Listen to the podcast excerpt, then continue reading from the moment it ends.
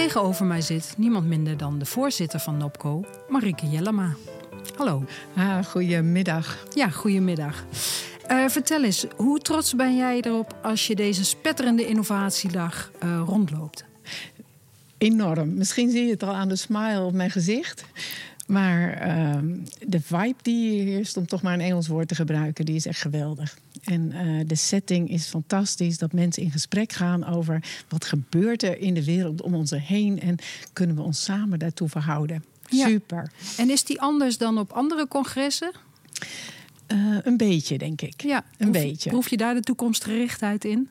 Nou, wat, wat hetzelfde is, is gewoon dat we ons altijd heel erg verheugen in van, oh, dan ga ik die zin en dan ga ik die zin en dan kan ik uh, connecten. En, nou, dat is hetzelfde.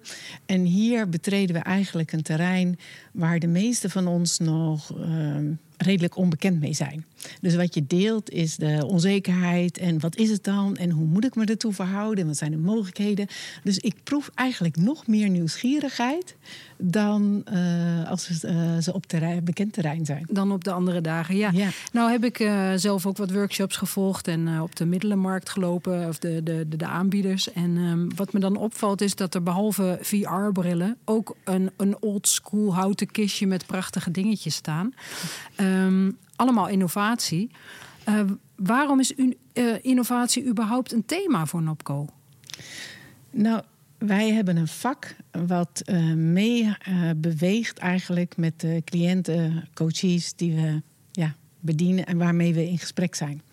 En uh, innovatie, maar ook heel specifiek de technologische ontwikkelingen, AI, die gaan in zo'n razend tempo. we hebben het natuurlijk gehoord. ik denk meer dan 40% van de banen wordt echt heel erg uh, geraakt en, en, gaat veranderen binnen vier jaar. Ja. Nou, dat kan niet anders dan dat het uh, onze cliënten raakt, daarmee de coaches. En natuurlijk, het raakt de coaches zelf en daarmee ook de beroepsvereniging. Ja, en wat vind je dat dan de verantwoordelijkheid van NOPCO in dat verband is? Um, nou, die is heel gelaagd. Die, die heeft ook te maken met dat wij uh, onze coaches uh, willen uitnodigen, uitdagen om te zeggen van uh, maak kennis met alles wat er gebeurt. Uh, want dit is echt heel belangrijk. En als beroepsorganisatie willen we daarin voor oplopen om mensen alert te maken. Ik denk, het werd net ook al gezegd, dat coaches van nature misschien iets minder IT ge geïnteresseerd zijn. Ehm, juist door die focus op het mens zijn. En dit is een ontwikkeling waarvan we zeggen van dit mag je niet laten passeren zonder er zelf over nagedacht te hebben. Nee, precies. En wat, wat, dus dat, eh, want mijn vraag zou ook zijn: wat is dan de verantwoordelijkheid van de coaches zelf? Dan zeg je van ja, je moet je hierop uh, inlezen, uh, laten inspireren op zulke dagen als dit. Ja, en daarna komt natuurlijk van hoe beïnvloedt dat ons vak?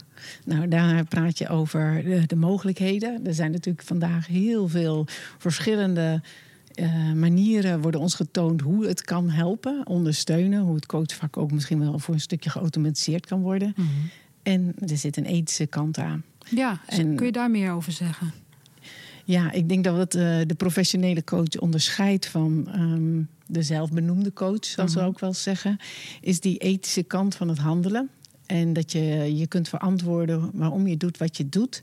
En juist aan die technologische kant zit natuurlijk een enorme grote ethische kant. Je kunt het positief inzetten, uh, maar je kunt het ook negatief inzetten. En ik denk dat je hebt te weten uh, wat de beperkingen zijn.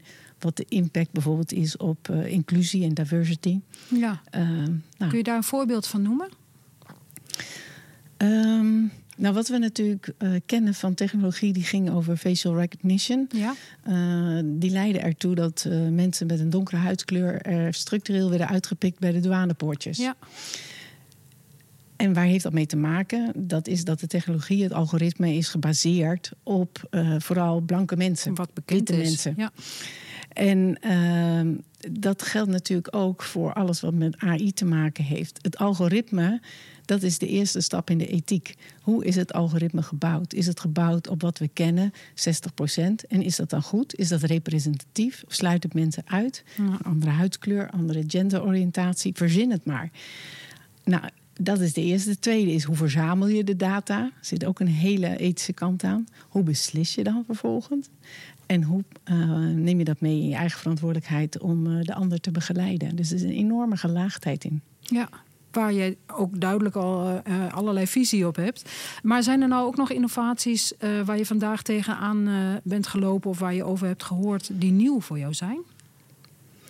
Oeh, dat is een beetje een gewetensvraag. Ehm, ik heb volgens mij al over heel veel dingen nagedacht, maar um, hoe snel het gaat, dat is denk ik me, wat me het meest verrast. Ja. Ja. Ja, ja, dat hoorde ik je in de inleiding van vandaag ook zeggen. Hè, dat je zegt, goh, uh, eh, 40% van, uh, en net noemde je het ook al, van 40% van de beroepen zullen op de een of andere manier binnen vier jaar anders worden door de ontwikkelingen. Dat zijn ook cijfers waar ik zelf als coach van denk, wow.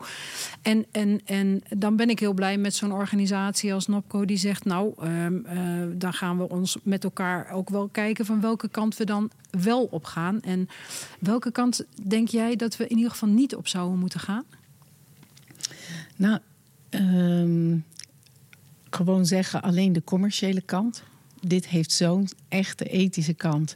Dat je je als coach ook gewoon niet kunt permitteren om te zeggen van ik ga alleen voor de commercie. Mhm. Ehm, ik zou eigenlijk ook wel een pleidooi in de maatschappij willen houden van let op. Uh, hier ligt een heel groot risico op het gebied van diversity en inclusion. Als we dit gewoon maar laten gebeuren. Ja.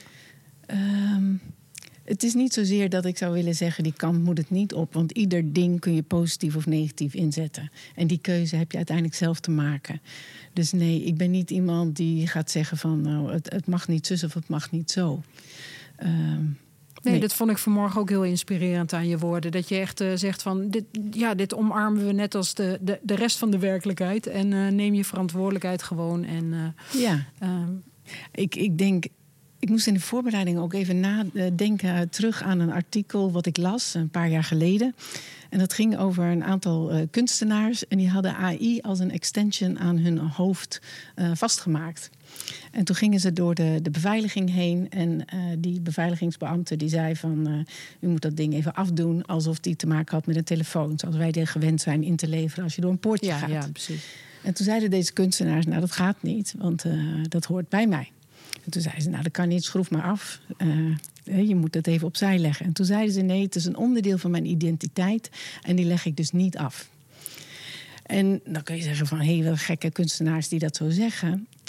Dat is niet de rol van kunstenaars. Zij brengen eigenlijk onder de aandacht dat er een verwevenheid ontstaat tussen AI en ons mens zijn en zelfs op identiteitsniveau. Ja. Dus waar we vandaag alleen nog maar gesproken hebben over emotionele intelligentie en uh, uitdrukkingen, gezichtsuitdrukkingen, uh, die je in sollicitaties bijvoorbeeld kunt scannen, ja. gaat het waarschijnlijk straks nog een stapje verder. Ja.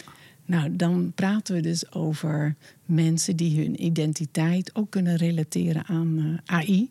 En dat is best wel, ja, als ik daarover nadenk, vind ik dat ook nog wel een beetje spannend. Ehm, maar wat ik vooral spannend vind, is dat het soms lijkt alsof uh, coaches mensen kunnen leiden naar meer perfectie. En ik denk die kant, als je me dan toch vraagt welke kant wil je niet op, dan zou ik die kant niet op nee, willen. Precies, ja. Zo trek je toch weer uh, gewoon in de gewone coachingspraktijk, voor zover een coachingspraktijk gewoon is. Hè? Ja, um, want misschien heb jij het ook wel gehoord. Er zijn zoveel mensen die steeds, dan word je beter. Ja. Of uh, dan ga je nog beter performen. En alsof beter altijd nog beter is. En alsof mensen dan het gevoel hebben ook gewoon mensen te kunnen zijn. Ja, alsof dat de ontwikkelweg is. Ja. ja. Uh, tot slot de laatste vraag. Wat is jouw ambitie voor NOPCO op het gebied van innovatie? Als we een aantal jaren vooruit in de tijd uh, schieten.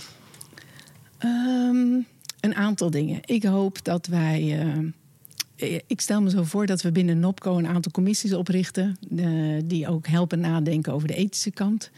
Uh, die helpen nadenken over wat betekent het eigenlijk voor de certificering en het hele competence framework, wat iedereen inmiddels wel kent, denk ik, ja. en verbonden is aan uh, certificeren. Mm -hmm. En wat ik hoop is dat we echt gehoord worden, ook in de maatschappij, als wij die ethische kant en de inclusiekant neerzetten. En wat coaching kan betekenen wat AI dus waarschijnlijk niet kan, uh, om die te vergroten. Nou, mooie laatste woorden. Ik wens je een fijne dag verder op het congres en uh, tot een volgende keer. Ja, dankjewel.